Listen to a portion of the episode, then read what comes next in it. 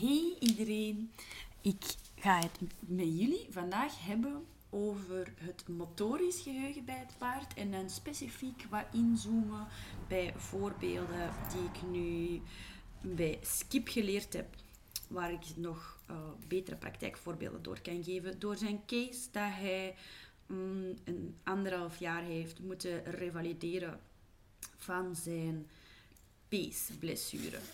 Nu, het eerste stukje over het motorisch geheugen. Degenen die al vaker les gevolgd hebben bij mij, die zullen zeker dat voorbeeld wel kennen. Ik heb dat ook uitgebreid meegegeven in de applicatie over hoe leert mijn paard. Paarden die hebben een zogenaamd sensorisch en motorisch geheugen.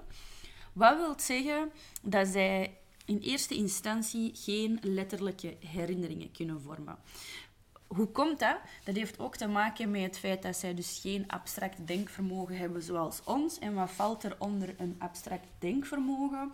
Dat is de mogelijkheid of de capaciteit om woordenschat te vormen. En dat heeft een paard niet. Een paard vormt geen woorden. En woorden heb je voor zoveel nodig in je leven om te kunnen denken en redeneren.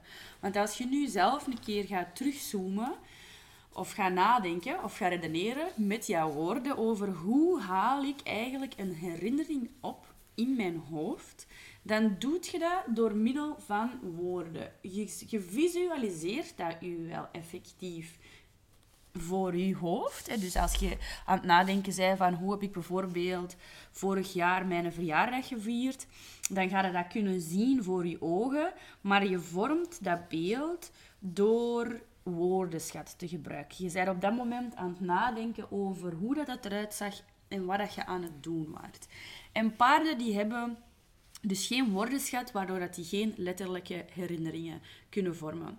Ik was ook ehm, een, dik jaar geleden een boek aan het lezen over zo trauma bij mensen en die zaken en hoe dat, dat zich opslaagt in ons lichaam om op die manier eigenlijk ook meer te kunnen bijleren over de paarden.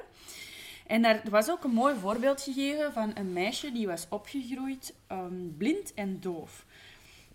En zij was dus, doordat zij blind en doof was, dan had zij, kon zij geen woordenschat ontwikkelen. Ze kon dat niet leren van de mensen rondom haar, want het was heel moeilijk om met haar te communiceren. Uiteindelijk zijn ze rond haar zeven jaar erin geslaagd om haar toch woorden te leren vormen door een combinatie van doen, voelen en braille te gebruiken. Hoe dat, dat exact gebeurd is, dat vind ik ja, heel knap en cool ook gewoon.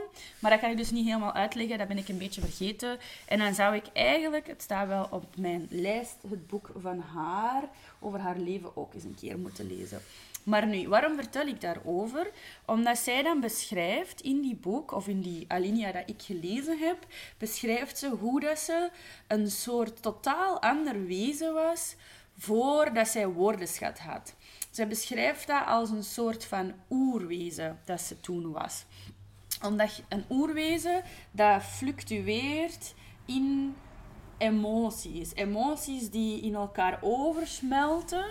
En dan gevoelens van geluk, gevoelens van angst, gevoelens van stress, maar ook zonder effectief die gevoelens te kunnen bewoorden of benoemen. Want wij, als wij angstig of gestresseerd zijn, dan kunnen wij zeggen tegen onszelf: Ik voel mij angstig of gestresseerd. Wij hebben ook de capaciteit om over die angst en stress na te denken en te redeneren: van, Is deze terecht? Uh, is deze iets wat... Allee, terecht is altijd terecht natuurlijk. Hè. Is deze iets waar ik uh, kan aanpakken, waar ik iets mee kan doen?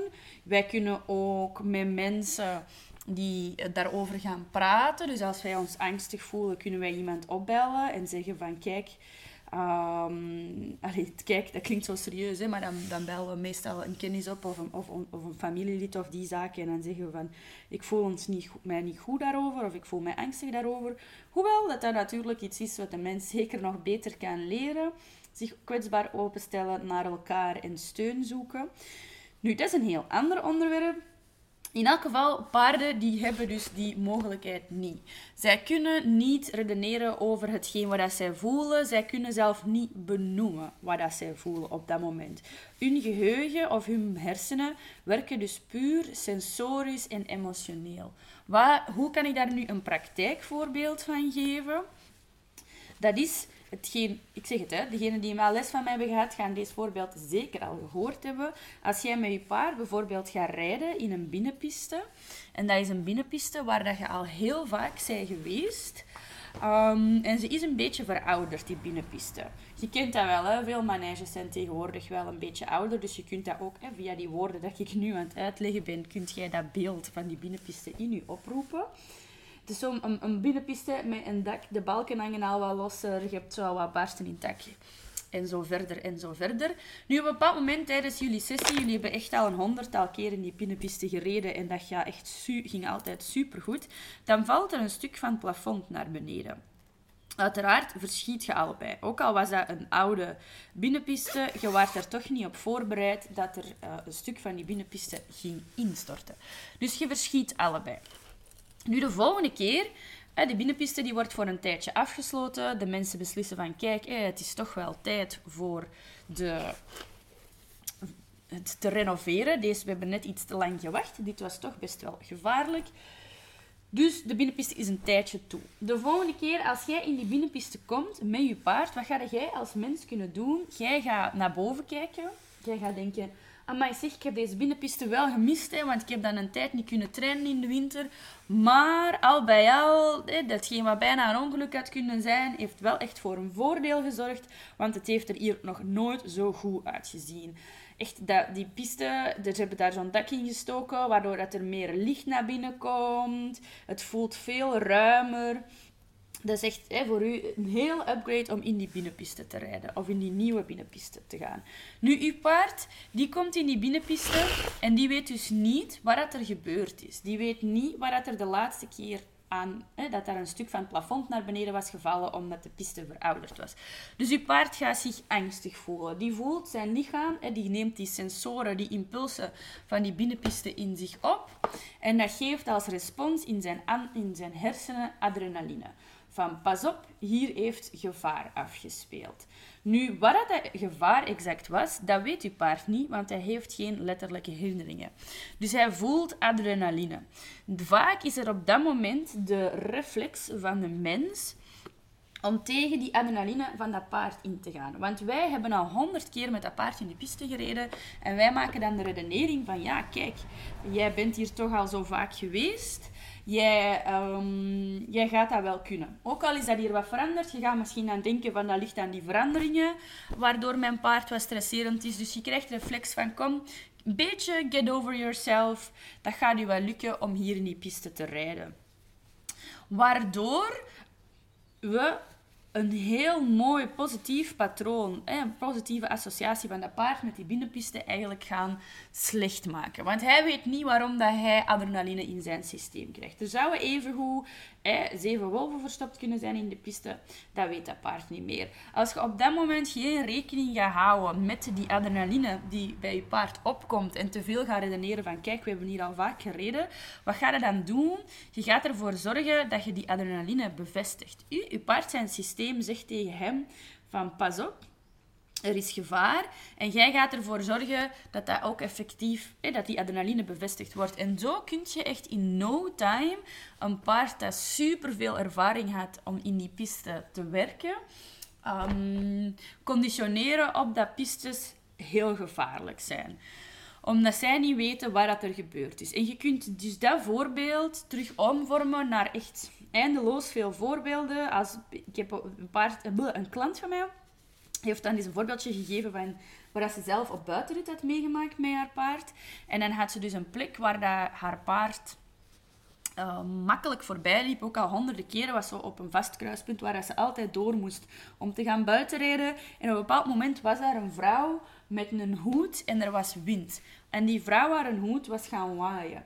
Haar paard was verschoten van die plek.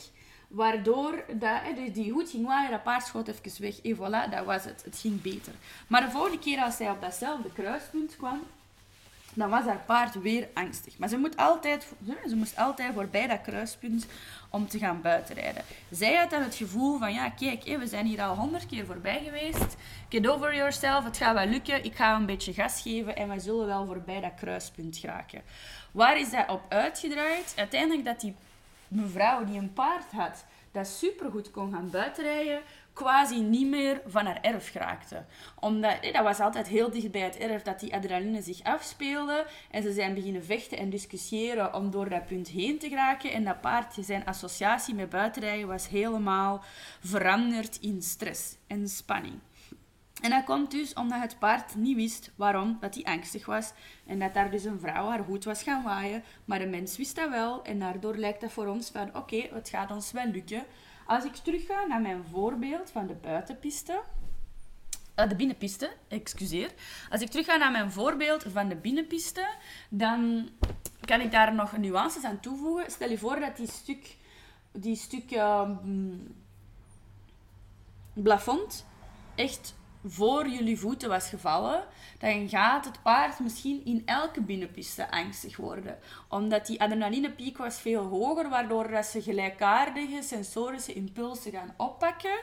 En die gaan ook aanleiding geven tot pas op, hier is gevaar. Als dan dat stuk van het plafond echt op ons gevallen zou zijn, of op jullie gevallen zou zijn, en dat paard moest genaaid worden en, en zo verder, dan kan het zijn dat dat paard onder geen enkel afdak meer durft. En ik heb effectief al zo'n paar ontmoet, hè, waarvan een stuk balk onder een afdak op hun hoofd is gevallen en dat ze echt niet meer onder die overkappingen durven. Dat is natuurlijk wat dat zegt echt levensgevaar voor hun. Hè. Een situatie met gelijkaardige geuren, gelijkaardige beelden, als wanneer het ongeval is gebeurd, gaat tegen dat dier zeggen van pas op, hier is het levensgevaarlijk, hier mogen we niet meer naartoe gaan. En als wij op dat moment dan daar gaan beginnen discussiëren, gaan we dat gevaar ook bevestigen. Dus als we met dat paard misschien, als hij dan angstig was geworden en hij, um, we hadden gezegd, oh ja, hè, voor, het was, de vorige keer is hier um, dat stuk dak naar beneden gevallen, het is hier stresserend geweest. En als we dan rekening hadden gehouden met die context shift van kijk, ik merk dat je nu je onzeker voelt in een piste en als eerste instantie terug hadden gekozen van ik wil dat jij je terug veilig voelt in deze binnenpiste. Ook al hebben we er al zoveel jaren samen in gereden. I'm here for you. Ik ga je hier niet te lang in laten. Ik ga zien dat je hier voornamelijk positieve dopamine releases krijgt. Ik ga zien wat, dat, wat dat je grenzen zijn binnen de huidige situatie, dan kan het zijn dat je misschien na een, sessie van 15 minuten, als het dan het eerste voorbeeld was, gewoon een stuk dat naar beneden was gevallen, dat je na een sessie van 15 minuten terug alles kon doen wat je daarvoor deed met je paard. Doordat je in eerste instantie wel rekening hebt gehouden met die context shift, dat er veel veranderd is dat daar even heel veel adrenaline in het systeem van je paard geschreven is geweest. En dus ik ging voorbeelden van Skip geven. Die komen er dus nu aan, zoals beloofd. Bij Skip heb ik dan nog meer ontdekt, waar dat er verschillen zijn in zijn... Uh, in, in paarden hun motorisch systeem. Dus paarden die schrijven ook heel veel van wat ze doen doen zij niet bewust. Dat wordt in hun motoriek geschreven. Dat is een beetje zoals wij leren autorijden. Dan gaan wij ook niet meer heel een tijd nadenken over hoe dat wij schakelen. Je doet dat gewoon automatisch. Een paard leert ook veel makkelijker in zijn motorisch geheugen dan een mens, doordat zij niet zo gehinderd worden door hun abstract denkvermogen.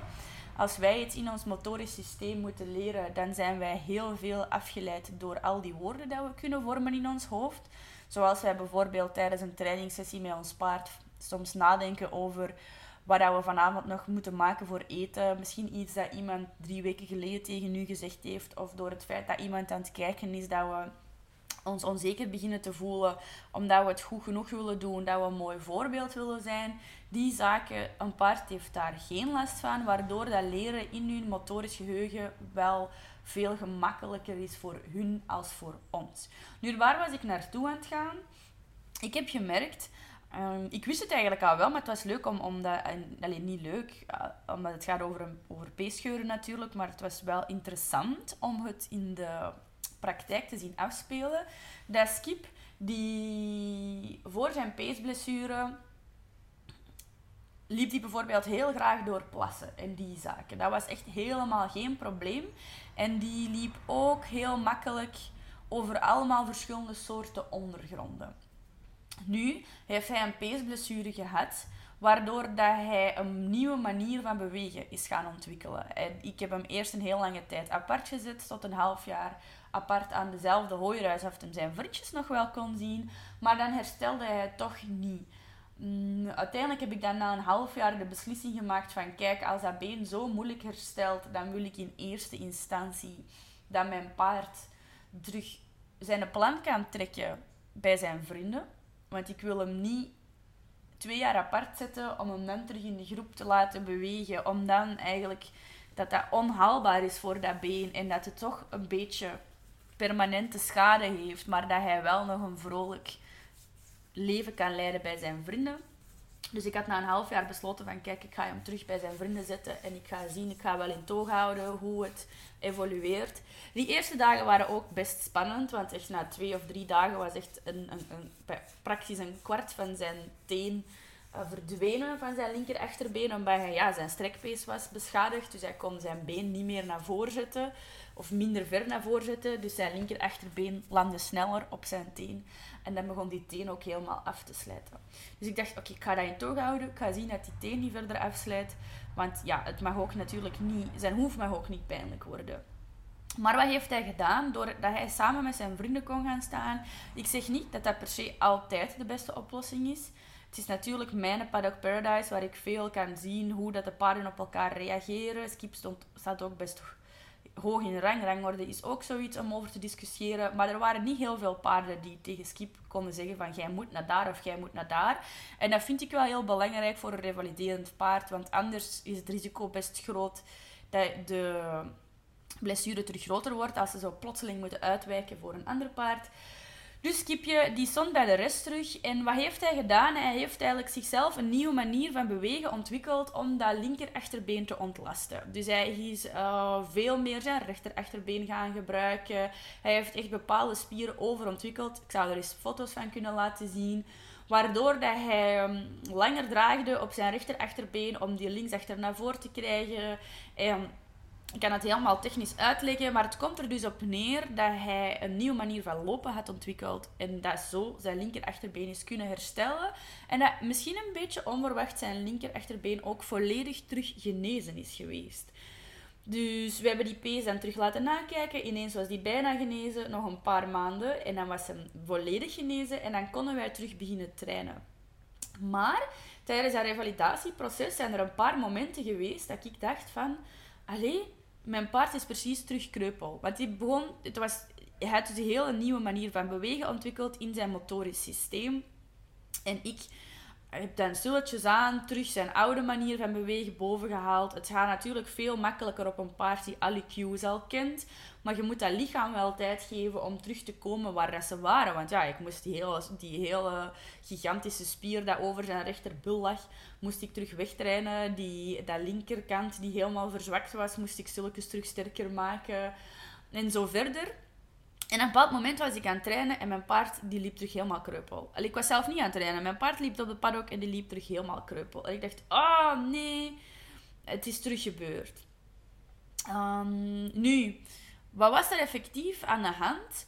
Het had plotseling gesneeuwd. Zo voor een dag of twee. Ik, denk, ik was toen zelf op skireis, dus ik was ook op dat moment niet... Ik trainde hem zo elke dag vijf of tien minuten. Dat had ik dan ook niet gedaan voor een week lang.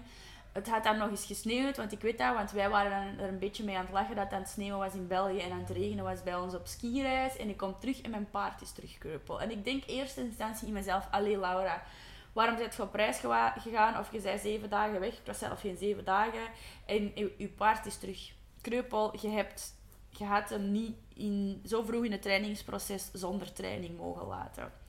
Nu, wat was er gebeurd? Doordat hij niet getraind was geweest en dat, hij, uh, dat het zo koud was geweest, dan was zijn lichaam terug helemaal stijf geworden. En die stijfheid van zijn lichaam triggerde in zijn motorisch geheugen terug die manke manier van bewegen. Dat zei tegen zijn systeem van, dit, dit is de manier om het op te lossen. Dus hij leek terug kreupel te zijn, maar hij was dat eigenlijk helemaal niet. We hebben dat dan ook terug laten checken. En die pees was ook helemaal nog in orde. Enkel doordat zijn pijn van zijn stijve lijfje triggerde manklopen. En dat is gewoon hoe fascinerend een geheugen van een paard is. Doordat hij, hij heeft een hele tijd mank gelopen. Dat deed uiteraard pijn, want zijn been was kapot. Maar dat is ene sensorische pot nat in zijn hersenen geworden, waardoor dat hij dan, als hij stijf liep, dat hij terug ging bewegen zoals hij mank liep. Ook al was hij helemaal niet meer mank. Ik heb daar daarna ook nog met mensen over bezig geweest. En die zeiden dan, uh, bevestigde bijvoorbeeld iemand die een knieoperatie had gehad. En die zei, ja maar Laura, zelf ik weet dat mijn been of mijn knie genezen is. En ik loop nog steeds zoals voordien omdat dat zo moeilijk is, ook al kunt je je daar bewust mee bezighouden, om je manier van bewegen terug aan te passen. Dus die persoon liep op een bepaalde manier, had dan een ongeval, denk ik, in haar knie gehad, had een compensatiemanier van bewegen ontwikkeld om die knie te laten genezen en raakte ook moeilijk van die compensatiemanier van bewegen af. Dus met Skipje en zijn pees, het is heel interessant om te zien hoe dan nu kleine triggers bij hem terug die manke manier van bewegen gaan bovenhalen. En ik zeg dan ook als mensen zeggen van ja, hoe weet je dan of ze mank zijn of niet mank zijn? Het is ook een deel van alles in togen houden. Zeker niks overdoen als ze zo stijf bewegen. Want dat wil zeggen dat in eerste instantie sowieso ze spierpijn hebben.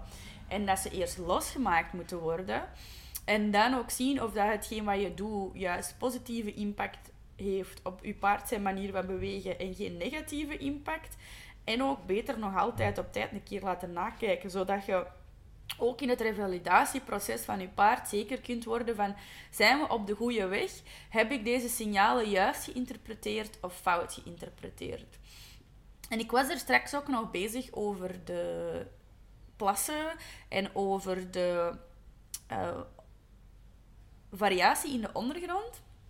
En ik merkte ze ook dat zijn motorisch geheugen op dat vlak aangepast is door een tijd met een blessure rond te lopen. Want mijn paard dat voordien super geen, graag door plassen liep en daar echt geen problemen van maakte, die heeft nu een, een, zijn motoriek is veranderd, zijn impulsen, zijn emotie rond die plassen zijn terug veranderd, waardoor dat hij die nu wel ontwijkt. Ik denk dat dat te maken heeft met het feit dat als u enerzijds plassen zijn gelinkt aan, aan koude tijden, waardoor die blessures toch ook altijd een klein beetje meer pijn doen. Ook minder grip, minder controle, waardoor dat hij waarschijnlijk sneller toch eens een keer op die slechte P stapte. En dan beter, hè, dus hij zichzelf geleerd heeft van ik, ik moet deze plassen ontwijken. En hetzelfde met variatie in de ondergrond. Hij heeft dan een paar keer een blijn gehad door de medicatie dat in dat been is ingespoten geweest. Um, en, en daardoor heeft hij dus ook ontwikkeld van een wortel of een steen op de grond toe pijn. En blijft hij nu ook die stenen op de grond ontwijken. En is het aan mij om dan stap voor stap gewijs te zien van hoe kan ik mijn paard zijn associatie hiermee veranderen. En dat gaat zeker niet zijn door te zeggen: Kijk, jij kon vroeger altijd door plassen rijden. Get over yourself, let's do this. Ik moet ook echt rekening mee houden in zijn training. Als hij richting een plas beweegt, hem daarvoor belonen. En hem gradueel terug blootstellen aan het feit dat hij nu wel door die plassen kan bewegen. En ook terug over um, oneffen ondergrond kan bewegen. Die oneffen ondergrond, dat wordt ook vaak opgelost door paarden schoentjes te geven. Hè? En dat heeft dus te maken met dat je die associatie dan ook doorbreekt tussen de, um, het ongemak en die ondergrond. Afhankelijk van of het probleem dan ook opgelost is, hoe diep geworteld is en al die zaken, kun je daar dus wel een verschil in maken. Maar ik wou dat even meegeven als voorbeeld. Als paarden dus soms gekke responsen hebben op het weer, bepaalde manieren van bewegen ontwikkeld hebben. Weet dan dus dat dat kan komen uit die vroegere, uit die periode dat ze doorlopen hebben, dat ze pijn hadden. Ik noem het dan ook pijnassociaties zie dat bijvoorbeeld ook heel veel met paarden die kissing spines hadden en overgangen naar galop en zo. Ze kunnen niet in hunzelf redeneren, ik ben nu genezen, deze gaat geen pijn meer doen. Het is aan ons als mens om die pijnassociatie uit hun geheugen te schrijven. Dat was eigenlijk hetgeen waar ik naartoe wou gaan. Ik hoop dat ik weer... Uh, een paar mensen zo geïnspireerd hebt en dat jullie um, weer wat bijgeleerd hebben. Laat me weten als je nog vragen hebt en tot snel!